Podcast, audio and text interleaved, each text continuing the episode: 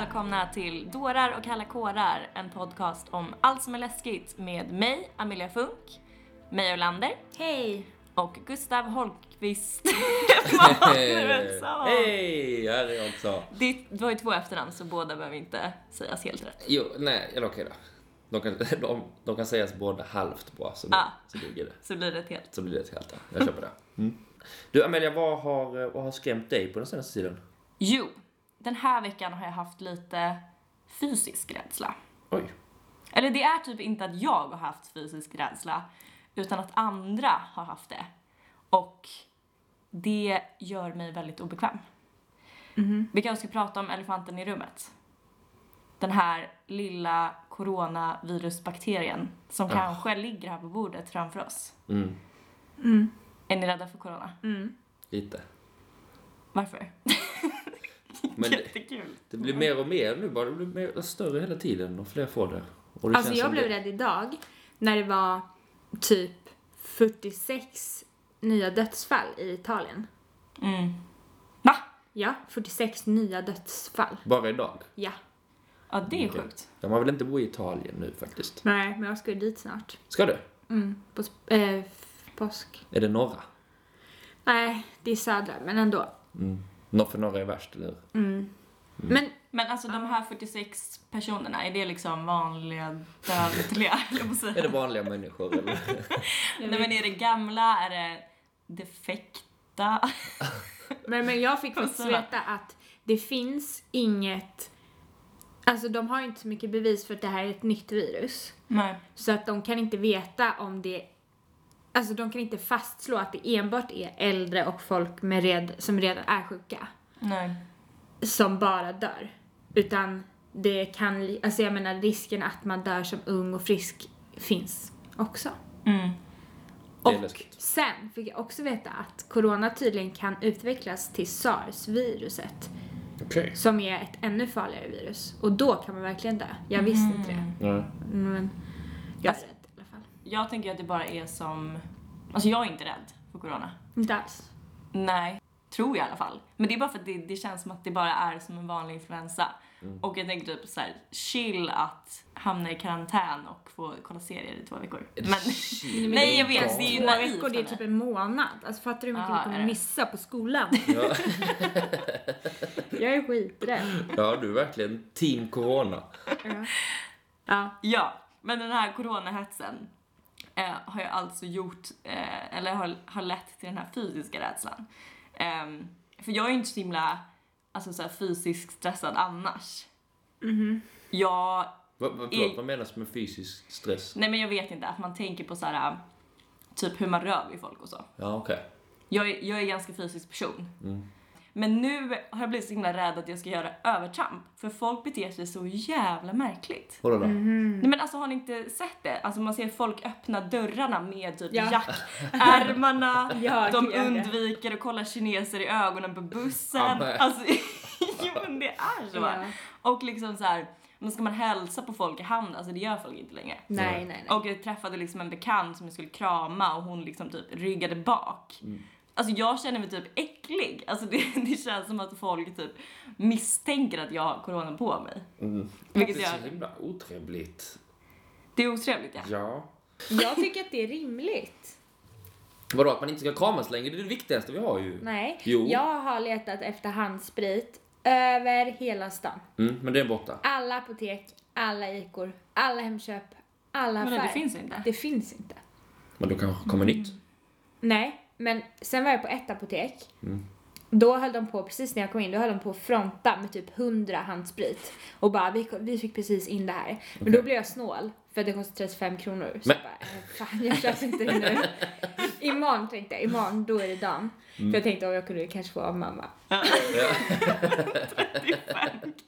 Sen kom jag tillbaka dagen efter, alla var slut. Ja. ja, det är inte mig nästan. Jag tycker det är bara läskigt att det blir sån...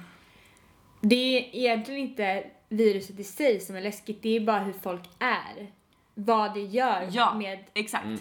Det är det man blir helt nojig av. Alltså man blir helt paranoid. Alltså jag blir ju paranoid i mitt kroppsspråk. Alltså jag råkade ju liksom krama min psykolog. Oj. jag blev helt fysiskt av avdomnad. Och hon också rädd för coronaviruset. Nej, hon kramade tillbaka men Hon hon sträckte fram handen först. Mm. Eh, och sen så gick jag in för kramen. Och liksom kramade henne så hårt så hennes hand liksom klämdes mot mitt bröst. Och det var en så himla nära kram också, jag kände liksom hennes kind mot min kind. Oj! Och efter det, alltså jag fick skitmycket ångest över det för det kändes såhär, man kramar inte sin psykolog Nej, okej. väl? Ja, Nej. Men det om man har bra... Nej, okej, inte alls. Man kan ha en Jag tror inte relation. man är. Nej Det kan inte vara professionellt. Nej, det är det inte. exakt, det ska nog vara lite professionellt. Ja, det kan det. Ska det kanske i och för sig. Men sen var jag tvungen att krama henne hejdå också. Mm. Ja, okej. När jag väl hade börjat. Så, och nu är jag inne i den cirkusen. Ja. Så nu kramas ni hela tiden. Men jag tänker att det kan vara bättre att kramas än att ta på varandras händer. Mm, ja, ja, ja. Så Men fler kind kramar och kind mindre... hellre än hand Ja. mot hand. Kind mot kind verkligen. Ja. känns- Är det bättre än hand mot Nej, för det finns jättemycket i munnen. Munnen vill man inte ha nära i och för sig. Nej men hellre att man rör vid någons kind än att man tar någon i handen. Det är, jag vill inte titta på folks händer just nu. Det är Nej. värsta smittkällan. Jag spritar min mobil varje gång jag kommer in. Det är det? Mm. Mm. Men vi... Men, men vilken sprit? Du har ju ingen sprit, din hycklare. Nej men mamma och pappa har. Ja. Och förra veckan köpte jag en sprit, den sista som var kvar på Ica, den glömde jag hos Tor och Susanna. De jävlarna. Ja, men det här med corona börjar verkligen spåra ur. Har ni läst om hon som var bakis när hon flög? Och sen hamnade i en coronakarantän? Mm, nej.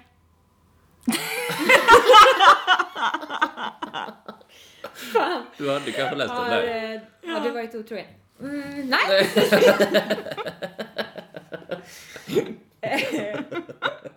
Jag tänkte att du skulle säga nej, sen tänkte jag en kort sekund ja och sen såg jag att du gjorde så här. Mm.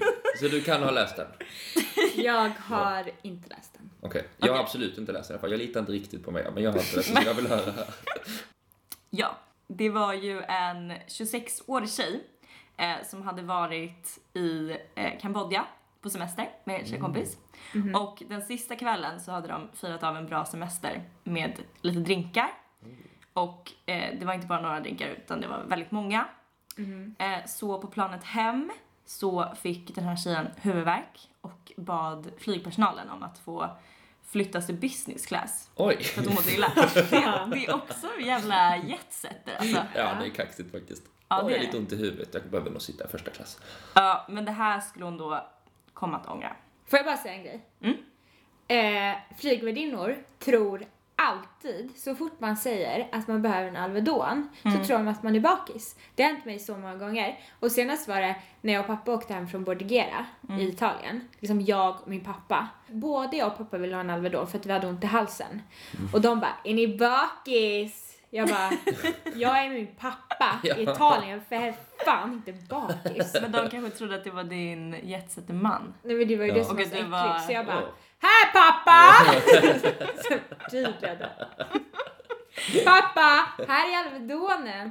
De kanske trodde att du jobbade som en så här eskort. Ja, och hade varit ute och festat vilt. Jag kalla det pappa på sexuellt sätt. Papi. Förlåt. Okej, fortsätt. Ja.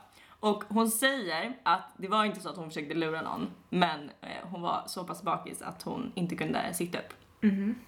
Eh, men, Då är man faktiskt bakis. Du kan inte sitta upp. men istället för att få den här uppgraderingen eh, på planet så fick flygpersonalen total panik. För de Såklart. trodde ju då att hon hade smittats av corona. Såklart. Så de satte på henne en mask och började ta hennes temperatur efter hon hade I fått rumpan? flytt. Men- Jag gör alltid det. Ja, okej. Vidare. Och termometern visade faktiskt på 40,3. Så att Oj, jävlar. Jävlar hon hade ju ändå feber liksom. Bra fest. Mm. Verkligen. Eh, men hon blev förflyttad och eh, fick lägga sig ner. Och eh, då tog de in eh, henne i det här lilla rummet som de värmde mat och eh, började förhöra henne på vad de Mm. hade varit och vilka de hade varit med. Det låter sexuellt. Ja. ja, men det kan inte, allt kan inte hamna. Allt hamnar där. Ja. En av flygvärdinnorna tog på sig dubbla ansiktsmasker. Eh, och hon var också den som fick sitta med den här tjejen under hela resan. För fan att få den rollen. Fan, vad flygvärdinnan nu. ja. Ja, det är nog inte så kul. Eh, och hon beskriver att hon vaknade en gång och då satt den här flygvärdinnan och bara stirrade rakt på henne. alltså man måste ändå vara lite skärrad av den Ja, här upplevelsen. Ja. Ja, och när de eh, landade eh, så skulle det komma att bli ännu värre. Så när de landade så fick alla på planet fylla i olika papper för att visa hur de mådde och var de hade varit. Och alla var så himla arga på de här tjejerna. För att de... Åh, vad jobbigt. Ja. Pesten. Och sen så fick de här två svenska tjejerna hållas kvar sist på planet och leddes sedan ut av läkare och fyra brandmän i skyddsdräkter. De hade liksom rökardykdräkter och hon säger att det kändes som att de trodde att man skulle explodera eller börja brinna av det här coronaviruset. För de hade liksom inte följt nyhetsuppdateringen så de fattade liksom inte Nej, okej. storheten i det. Och sen fick de sitta längst bak i en flygplansbuss, blev upphämtade av ambulans och så fördes de till en hemlig byggnad. Jag vet inte varför den här byggnaden var hemlig. Var den hemlig? Jag vet inte. Det skulle vara hemligt coronasmittade. Ja, men där satt det flera personer som hade smittats. Eh, det är också konstigt, nu var ju inte de smittade. Tänk om de då blev smittade Ja. av att... Va? Var de inte smittade? Nej, de var ju bara bakis. Ja, Okej, ja, det visste man. Sen så fick de bo på det här spökhotellet. Det hemliga spökhotellet mitt ute i ingenstans tydligen. Var är vi nu? Vilket land är vi nu? Eh, vi är i London. I London? Heathrow Okej, ja. landade de. Mhm. Och det luktade klor överallt, rummet var iskallt för de hade stängt av ventileringssystemet. Men de fick beställa vad de ville ur hotellrestaurangen. Ooh. Så de beställde fish and chips och två coronaöl. Ah, ja. Hur länge var de där då? När fick de komma hem? Eh, De beordrades till 14 dagars karantän. Men sen så övertalade de faktiskt eh, läkarna om att de fick eh, eh, sitta av de två veckorna i eh, en lägenhet i London istället. Gött. Men de var inte smittade? De var inte smittade, de De var bara var bakis. Sjukt. Nu Ja. vet vi hur, hur känsliga alla är. Så hosta inte, var inte bakfull ute då. Nej. Gud, vilket speciellt segment det här blev Amelia. Eh, ja, vad tillförde det för den här mordpodden? Det här är inte bara en mordpodd. Det är en podd om allt som är läskigt. Ja. Och corona är läskigt. Men inte för dig. Nej, Nej. men att bli fysiskt avvisad, det är läskigt. Wow, snyggt! Där fick vi ihop den då. Ja, men nu vill jag höra lite riktigt material. Gustav, Mitt fall. Det är min tur. det är din tur. Jag kör.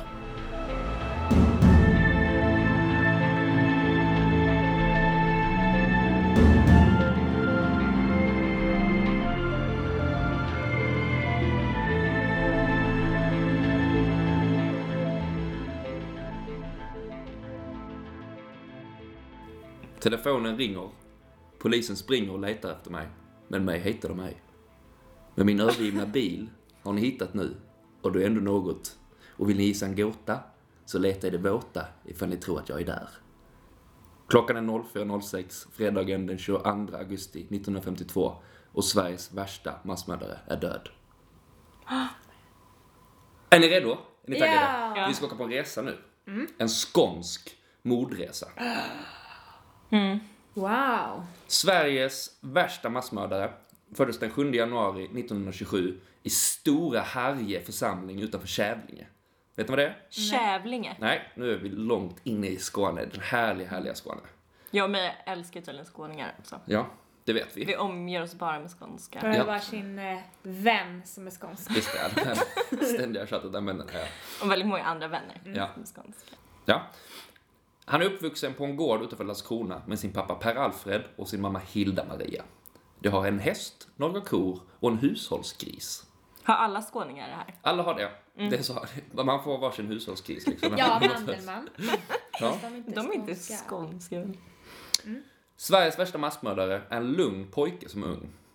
Inte särskilt smart och han leker inte med de andra barnen. Hans magister säger att han är en klen, vissen, håglös, inte särskilt smart pojke som aldrig slåss eller busar. Familjen här, de har väldigt otur med sina djur och flera hästar dör. Vilket leder till att de får problem med pengar.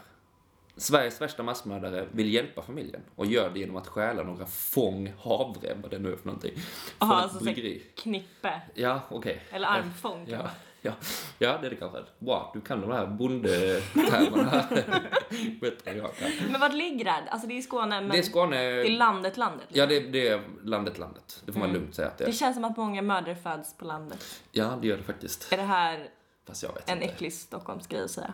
Ja, det är det nog direkt. Ja, Det det säger mer om mig än vad det gör om mördarna. Ja, det gör det faktiskt. Snacka inte skit om skåden. Okej, och för att gömma bevisen så bränner han ner bryggeriets stall och förstör därmed värden för 36 000 kronor. Men ingen vet orsaken. Han tar sedan värvning i Kristianstad, sen blir han en uppskattad busschaufför och sen går han över och blir vårdare på Sankt Lars sinnessjukhus i Lund! Varför jublar vi åt Lund? För jag är från Lund. Just det. Finns det kvar? Lund finns kvar, ja. Ja, ja, det gör det faktiskt. Det gör det faktiskt. Eller jag tror det i alla fall. Sankt Lars finns kvar i alla fall. Ja, men jag har också mm. där. Ja, okej. Du har varit där? Mm. Kul. Men den stora Jag drömmen... bodde där när jag var i Lund. Ja, okej. Okej. Mm, det förstår jag nästan. Men den stora drömmen är att bli polis för den här mannen. Och han lyckas till slut med nästan med detta och blir en vikarierande fjärdingsman som är typ en semipolis typ. Och, men hans arbetsuppgifter som en fjärdingsman eh, ingår att driva in skatter på sin cykel och så han kör runt liksom i småbyn och, och hälsar och tar in pengar och så vidare. Och han blir väldigt uppskattad i detta. Det är lame. Ja, Polistjänst. Ja, och så typ den töntigaste polisen någonsin. Men han tar det på absolut största allvar. Och eh, han, det är liksom hans stora dröm att bli polis. Under denna tid, det är alltså 1951 nu, så begår Sveriges värsta seriemördare sitt första mord. Och det är när han spelar poker med en polare, så händer något som gör att han slår bara, han slår bara ihjäl sin vän och snor hans pengar. Sen bränner han ner stället. What? Alltså hela huset liksom. Ja, Så han är både mördare Ja. och pyroman? ja, det, ja. Han liksom, Och tjuv. och tjuv, ja. För han vill... Eh, Och polis? Och polis. Ja, det är mycket. Mångfacetterad. Ja. Men det är speciellt det här, för det är sen han själv, en kriminalare och ett medium som utreder fallet. Och det här är väldigt coolt, för det finns en bild på den här mannen när han står och undersöker ett lås till huset. När han bara tittar, oh, som låtsas liksom att ah, det här är svårt. Men så är det egentligen han själv som har gjort det. Eh, det är kaxigt. Ja, verkligen. Men också väldigt smart. Ja, det är ja, det, ja, alltså, ja, det kan man säga. Det är kaxigt i alla fall, vill jag säga. Den första mars 1952 förlovade sig Sveriges värsta massmördare med Ulla Östberg, som är på ett ålderdomshem i Hurva, som man gillar att säga om man är skånsk. Men när de är ute på en roadtrip tillsammans så märker Ulla att hennes blivande man inte är så skön som hon trodde. Han blir väldigt våldsam när hon inte vill hångla med honom och sånt. Och hon märker att han har stulit handdukar för sitt, för sitt jobb på sinnessjukhuset och det gillar hon inte. Och då säger han att det, det här, du ska låta mig göra vad jag vill liksom. Men i alla fall så säger hon upp förlovningen, vilket liksom fullkomligt förkrossar den här mannen. Och han försöker få tillbaka henne, men hon vill inte. Och han blir jättearg och han slår henne och han hotar att skjuta henne om hon inte är tyst om det. Men Ulla är inte tyst om det. Utan Ulla berättar det här för en kollega. Och det leder således till att Sveriges värsta massmördare blir avstängd som fjärdingsman. Mm. Så, och det är hans mardröm liksom. För Alltså han blir så. blir avstängd från Han får sin ta- cykel. Ja, exakt. Hans, hans vikier, vikarierande cykeluppdrag. Men eh, vidare Hur ska man... samhället klara sig? ja, det är en bra fråga. Men eh, man har i alla fall två fjärdingsmän som då vaktar Ulla för man är, för man är lite osäker på, eller man är orolig eh, av att han ska komma dit och skada Ulla och ålderdomshemmet då som hon, hon jobbar på. Bra. Men en dag så får du order av att lämna huset. Så nu är det inte längre några fjärdingsmän där. Men då säger de till att Ulla, du och din kompis, ni, ni ser till att stänga alla dörrar och så. Och sen sover ni på ovanvåningen, inte längst ner. Men det skiter i. Utan de sover längst ner. Nej. Ja. Så, ja. De ger sig fan på att de ska sova i soffan Ja. istället för Så sängarna. jävla konstigt. Ja. Vadå? De, nej, men jag vet inte, det finns ingen förklaring till varför de väljer att sova där. De gillar det kanske där mer. De gillar Men- att leka med ödet. Ja. För den här Sveriges bästa massmördare som jag kallar honom, och jag är inte ens som jag kallar honom det, han har fullkomligt tappat det nu. Han vill inte längre leva om inte han kan få vara med Ulla. Men han ska inte dö själv. Så han börjar med sina föräldrar, som han smyger in när de sover och hugger dem med en yxa. Va? Sen bränner han, bränner han ner huset och kör iväg. Och detta märker grannen som heter, och lyssna nu, Gustav Gräs. Vilket var ett toppnamn, det tycker jag ska ta över det. Eh, Det och blir jättemycket enklare för oss i podden också när vi ska Ja. presentera det. Om du bara heter Gustav Gräs. Gräs, det är något gött efternamn faktiskt. Men han försöker hitta hjälp och släcka branden, men han hinner inte. Så eh, det brinner ner helt och hållet och eh, till föräldrarna blir där inne. Men de var redan dödade De är redan döda, de har fått en, en yxa i huvudet liksom, så de får man nog anta att de är döda i alla fall. Hellre en yxa än eld då. Ja, är det så? Ja. Eld ska väl vara det värsta. Att det gör, det gör ondast och brännas till döds. I vilket fall som helst så kör eh, den här massmördaren vidare mot Hurva då. Med sin yxa i högsta hugg. Han går runt i mörkret och letar liksom utanför. Var kan Ulla vara någonstans? Och till slut hittar han henne. Han bryter sig in och hugger henne två gånger i huvudet. Sen går han vidare mot Ullas kollegor och, nej, kollega och hugger henne också. Och sen går han ut och hämtar bensin och bränner på det här huset också. Och det ligger alltså 17 åldringar där inne också. Och sju av dem kommer att dö. Men igen så ser en annan granne, den här gången Ragnar Persson. Och det här huset var alltså inte Ullas egna, utan det är på ålderdomshemmet där hon jobbar. Så. Eh, och det är alltså sju som, som omkommer. Ja, men den här Ragnar i alla fall, hon, hon ser hur det brinner och hinner eh, meddela brandkåren. Så det är inte alla som dör, utan det är bara sju stycken. Men, vart har Sveriges värsta massmördare tagit vägen då? Efter ett tag så hittar man hans bil vid Borsarpssjön och ute i sjön ser man en tom vit eka, vilket är en liten sån jollebåt. Och i bilen hittar man ett brev. Telefonen ringer, polisen springer och letar efter mig, men mig hittar de mig. Men min övergivna bil har ni nu hittat och det är ändå något och vill ni gissa en gåta så letar jag i båten ifall ni tror att jag är där. Ja, mina vänner. Varför nu detta kan synas som en dåres verk och det kan hända att det är det också som man känner sig själv, känner man andra. Och där ser ni idag röd morgon död, men vet aldrig när det är tid att lämna in. Ja, nu ska jag bara i korthet omtala vad jag har gjort och varför så att ni skulle slippa ljuga för den nyfikna allmänheten. Ja, i september 1943, då satte jag fyr på Gustavshill bryggeri i Anneslöv och anledningen var att jag stulit havre på vinden till vår häst där hemma, som far svalt. Och för att det inte skulle synas så slängde jag in en sticka i halmen innan jag gick med den följd som blev. Är ni med? Ja. Han är en liten poet. Han är en poet får man säga. Gillar ni min extra skånska? ja. Sen på hösten 1946 stal han MCL 150 i Kristianstad och satte i Asum. I november 1951, när man bestämt den 28 klockan 02.30, mördade jag kvarnägare John Folke Alla Nilsson i Tjörnarp samt satte samma dag klockan 03.00 fyr på hans fastighet. Skälet var behov av pengar och jag kom över 4 369 kronor vid ifrågavarande tillfälle. Och nu är anledningen den att jag blivit bedragen av den tös som betytt allt för mig här i livet. Hon har handlat svekfullt mot mig och det lönar sig jag så här. Den 21 augusti klockan 24.00 slog jag ihjäl min mor och far samt satte eld på huset. Därefter körde jag till den svekfulla flickan i Hurva och kom dit klockan 00.30. Efter att ha studerat ut lämpligt sätt slog jag ihjäl henne och hennes chef klockan 01.30 varefter jag klockan 02.00 satte eld på huset efter att ha dränkt in det med bensin. Ja, nu slutar jag. Hoppas ni kan tyda det till vad ni vill ha det till och så får jag med min yttersta vilja härmed förklara att om det blir något kvar efter mig skall, och det är maskerade namnuppgifter, i Malmö lika dela det som för det är kvar för det är mina bästa kamrater jag har haft och de behöver det lika bra båda. I hopp att endast fakta kommer till pressen slutar jag här med och beklagar att jag inte blev kriminalare för då hade ju många ouppklarade brott kommit fram för det är som jag ska vara ärlig det enda jag skulle duga till. Nå. Nu är klockan 04.00 den 22 augusti 1952 och nu slutar jag detta och min sorgliga levnad i hopp att bli förstådd och förlåten av de som kan och har möjlighet och lust till. Glad, lugn och beredd går jag i döden, ty nu är allt uppfyllt. Tore Hedin, mördare. Adress, okänd. PS. Mina föräldrar dödade jag för att de skulle få slippa se och lida för vad jag nu har gjort. Des. Ett dygn senare hittar man hans kropp 10 meter från en vassrugge, 75 meter ut i vattnet. Och man ser på hans klocka att det står, som jag sa i början, 04.06.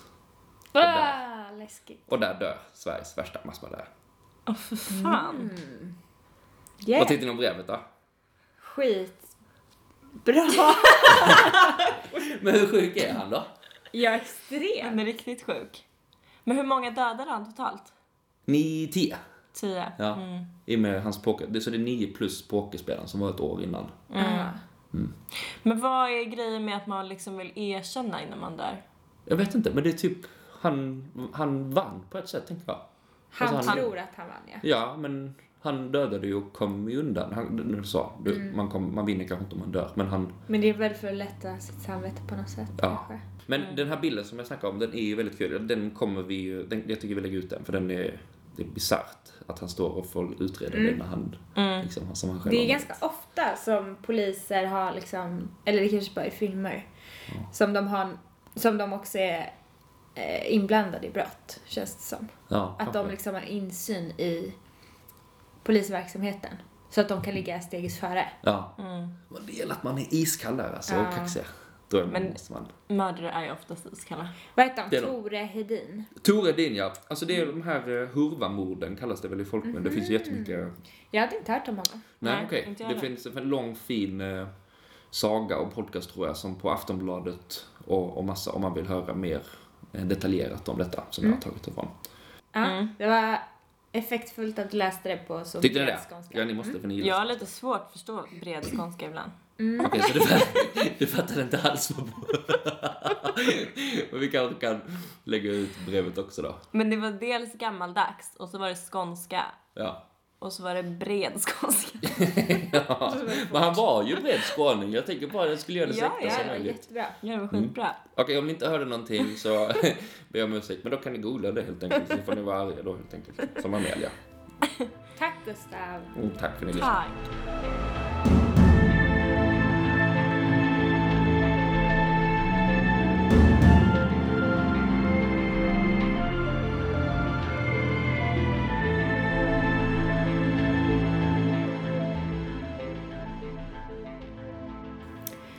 I mitt fall så befinner vi oss långt ifrån Sverige.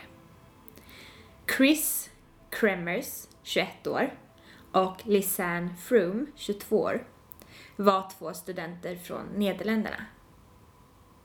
Båda växer upp i staden Amersfoort. Och 2014 så har Lisanne precis tagit en examen i tillämpad vetenskap. Mm. Och Chris är klar med sin utbildning inom kulturell socialpedagogik. Belästa. Mm.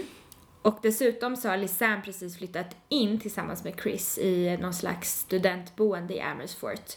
Och båda arbetar på ett café som heter In den kleinen Happ. Och de jobbar jättemycket, så mycket det bara går. För de sparar nämligen pengar till en längre resa som de ska göra. De planerar att åka till Panama för att lära sig spanska. Och där ska de också volontärarbeta med barn. Lisanne och Chris är framme i Panama den 15 mars 2014.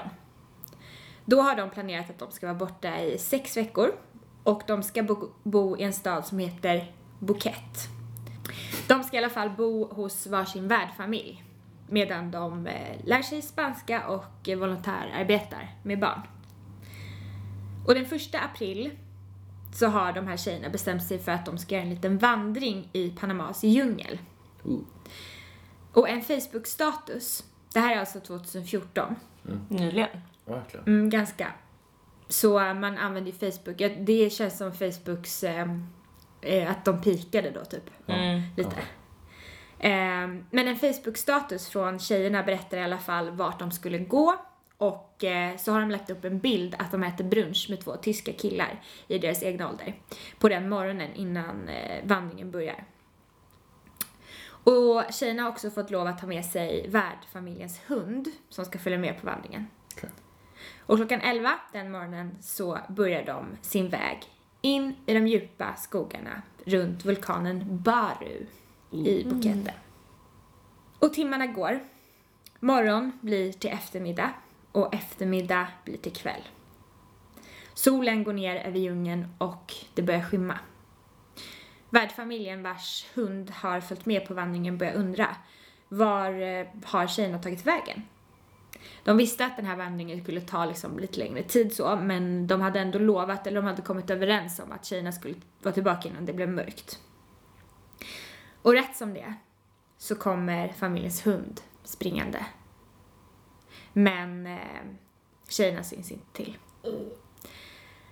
Och hunden är liksom vid gott mod och oskadd och så, så det det är inget problem. Men flickorna är inte med. Och värdfamiljen, de letar lite i närområdet och så, men eftersom det är mörkt så bestämmer de sig för att vänta tills nästa morgon. Och den andra april, alltså dagen efter, så har Lisanne och Chris bokat ett möte sen lite tidigare, eller sen innan, med en lokal reseguide som ska ta dem på någon slags privatvandring i Bukett. Och när de inte dyker upp till det här mötet så bestämmer sig värdfamiljen för att de ska kontakta polisen. Och väldigt snabbt, alltså bara timmar efter, så genomförs det en flygundersökning av skogen. Där man liksom söker av uppifrån luften och sen är det massa människor i byn som liksom går till fots och letar efter flickorna och områdena omkring. Men dagarna går och eh, det blir den 6 april och flickorna har fortfarande inte kommit hem. Nej. Och Lisanne och Chris familjer har då blivit underrättade hemma i Nederländerna och eh, de är nu på plats i Panama. Och de har också tagit med sig en privatdetektiv från eh, sitt, sin hemstad och eh, tillsammans så med, med lokalpolis och med hundar och så, så söker de av skogarna igen. Finns privatdetektiver? Jag tror det var en filmgrej. Nej, det finns. Coolt att bli. ja, lite coolare än en cykelpolis som drar in skatter. Ja. Och dagar förvandlas till veckor. Och efter tio veckor av sökande så har man fortfarande inte ett enda spår efter Lisanne och Chris. Men sen kommer ett genombrott. En kvinna från trakten har nämligen hittat en blå ryggsäck intill en flod i skogen. Och i den här ryggsäcken så låg det två par solglasögon, två bhar, en vattenflaska, 83 dollar i kontanter och Lisannes pass. Också det som kommer att bli allra viktigaste i den här utredningen. Båda tjejernas mobiltelefoner och Lisannes kamera. Mm. Mobiltelefonerna och kameran undersöks såklart och polisen hittar väldigt kusliga saker. Telefonerna har nämligen varit på i nästan 10 dagar efter att de har försvunnit. Och under fyra dagar, alltså fyra dagar efter deras försvinnande, så har 77 separata försök gjorts för att ringa polisen. Både via Nederländernas nödnummer 112 och nödnumret till Panama, 911. Oj jäklar. Mm. Och med hjälp av de här samtalsloggarna så skapar polisen någon slags översiktsbild över deras försvinnande. Alltså typ, när hände vad och sådär. Och de första nödsamtalen har ringts bara några timmar efter att Lisanne och Chris har påbörjat sin vandring då klockan 11 den 1 april. Och sen fortsätter samtalen att ringa i flera dagar efter att de har anmält saknade. Men eftersom djungeln var jättedjup, eller är jättedjup och tät, så hade samtalen svårt att nå fram. Och senare skulle det visa sig att bara ett av de här 77 samtalen hade lyckats komma fram. Men också det bröts efter bara några sekunder. Nej. Mm.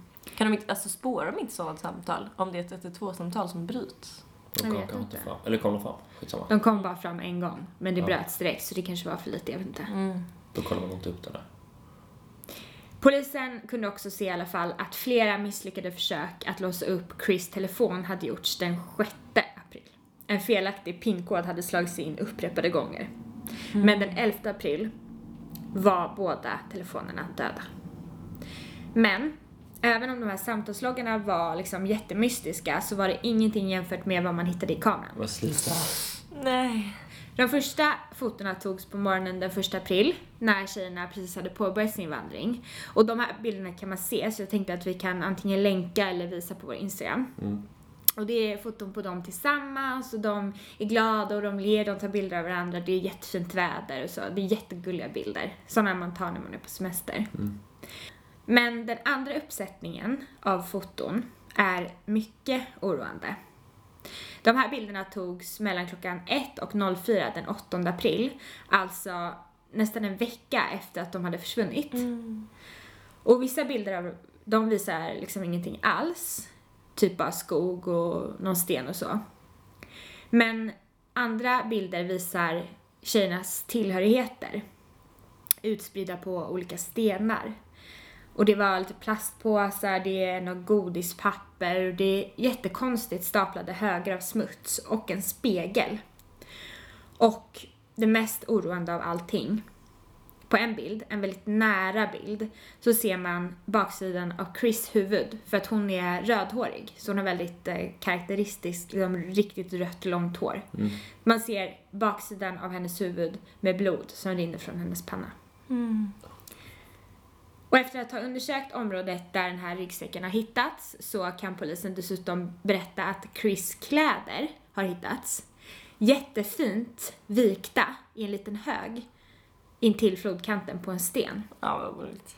Och två månader senare i samma område så hittades ett bäckenben och en fot som fortfarande hade strumpan på i en sko. Och dessutom hittades massa bitar av ben utspridda längs den här floden. Totalt hittades 33 benrester. Oh, Och det konstiga med de här benresterna var att de var superfräscha. Alltså på ett så fanns det typ lite kött kvar. Oh. oh. Och vissa var så här jättevita så det såg nästan ut som att mm, de skulle ha blekts. Och eh, den eh, tekniken som undersökte benen sa att det inte fanns ett enda märke av något slag, alltså djur, människa, någonting, på de här benen. What? Det är så konstigt. Men polisen, de intervjuar lokalbefolkning, reseguider i området och andra vandrare som kan ha varit i området vid den här tiden. Men de får inte fram någonting. Förutom de här fotona och samtalsloggarna så har de inga bevis på vad som kan ha hänt tjejerna. Och det finns ju inte tillräckliga bevis för vad de faktiskt har dött av. I och med att det enda man har hittat är de här benen och den här stumpen liksom. Man har inte hittat eh, resten av deras kroppar. Är kläderna helt liksom rena? Mm.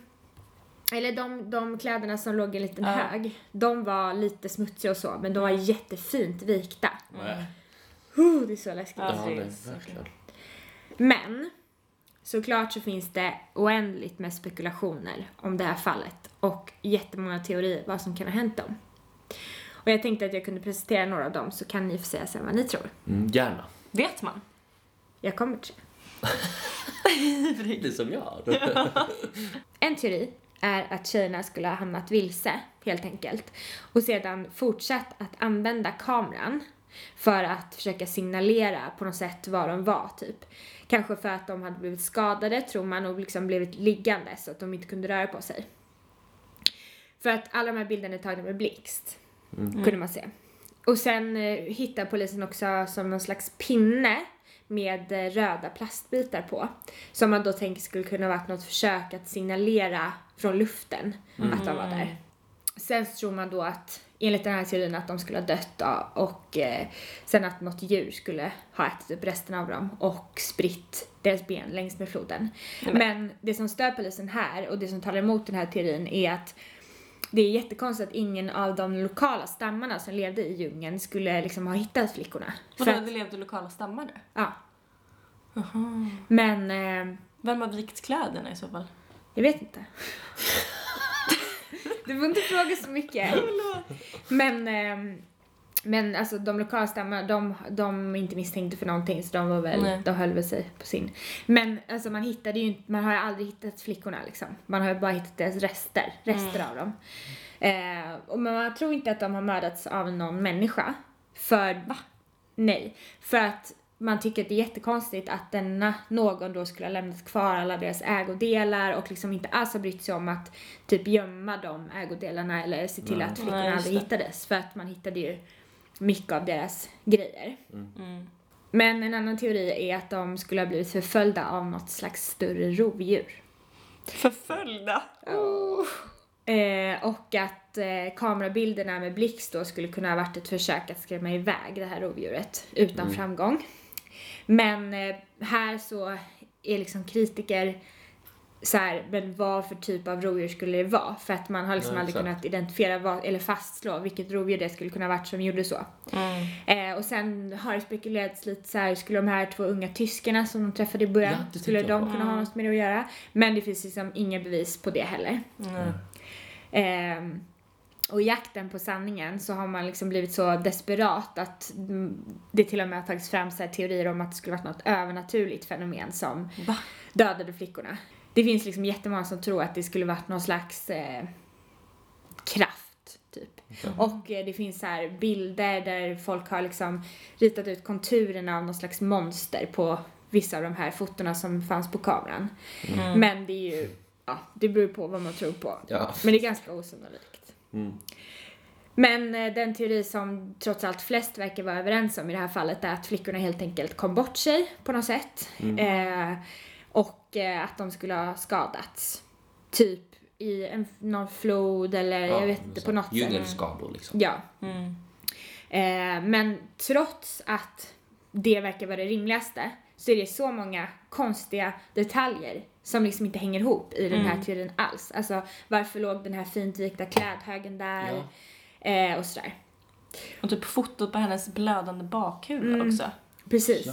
Så att eh, det är fortfarande inte löst, det var 2014 och Ah, nej, jag vill väl ha svar. deras hemligheten om deras död är för evigt begravd i den djupa djungeln i Panama. Ja, det är så obehagligt alltså. Visst är det sjukt? Ja. Det är så himla sjukt fall, för det är inte länge sedan. Nej. Men jag tror typ inte det kan vara ett djur alltså. Vad tror ni? Att jag tror lätt det är djur. Eller det Tror du måste, Ja, vad skulle det annars vara? Eller tyskar, men de har, jag antar att man har alltså, snackat med dem. Jag tänkte att det skulle vara tyskarna, när du sa det från början. Ja. Ja, man Men måste ju prata med dem. Kommer Det- aldrig ut i djungeln igen. Har du varit där mycket innan eller? Nej, men det har, alltså, jag har ändå varit i djungeln, men jag kommer inte göra det igen. Ja, Den svenska, här, skånska skogen. kolla, de har liksom tagit så här bilder på varandra och så. Ja. Men eh, du tror inte att eh, det är en människa? Eller du trodde att det var tyskarna, Gustav? ja, jag trodde det först. Men det var inte tillräckligt bevis egentligen.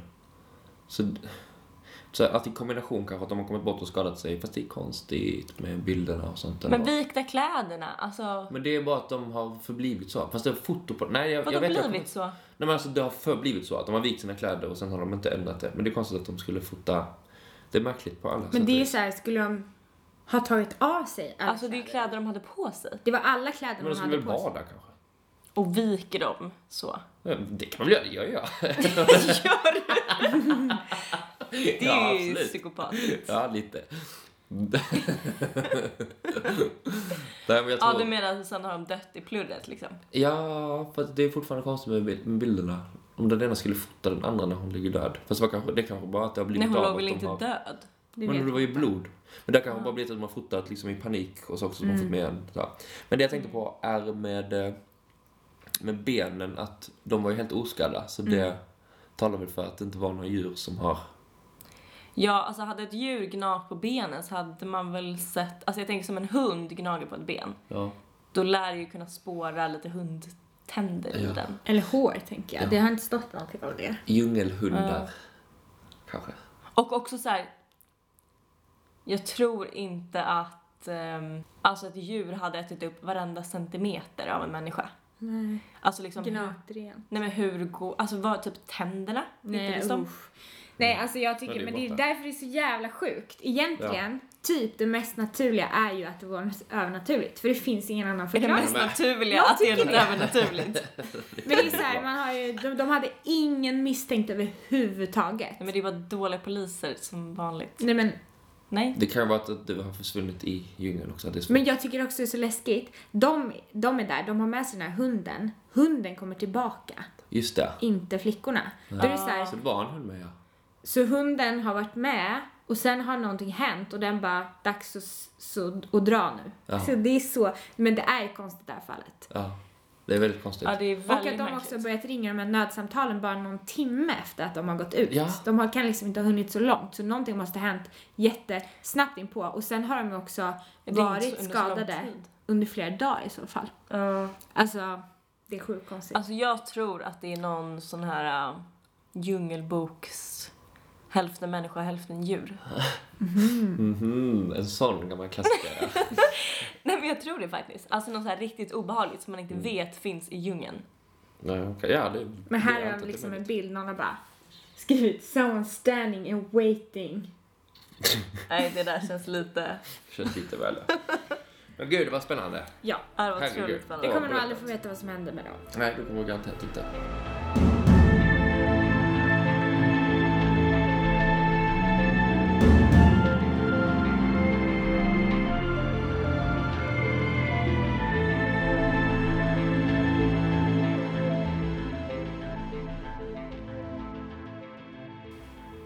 Men eh, Amelia, vad Mm. tyckte du var läskigast den här veckan? Ja. Det var ju olika fall. Mm. Vi hade ju att göra med en person som mördade många människor. Eh, och också erkände. Och sen motsatta. Mm. Ett helt olöst fall. Där två personer har dött. Mm. Och eh, man knappt vet någonting. Så det var ett erkännande och ett ingenting. Mm. Gud, spännande. Jag blir jätteprovocerad av fall som inte är lösta. Ehm, men vinnaren tycker jag är Meja. Ja, det köper jag också. Det var överlägset tyckte jag faktiskt. Ja, men jag blev skiträdd. Mm.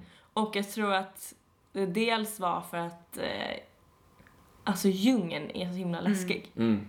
Alltså jag tänker lite på så här typ Avatar. Jag vet inte, jag tycker, jag tycker Avatar är läskig. Ja, det är inte, alls läskigt. men jag tycker det.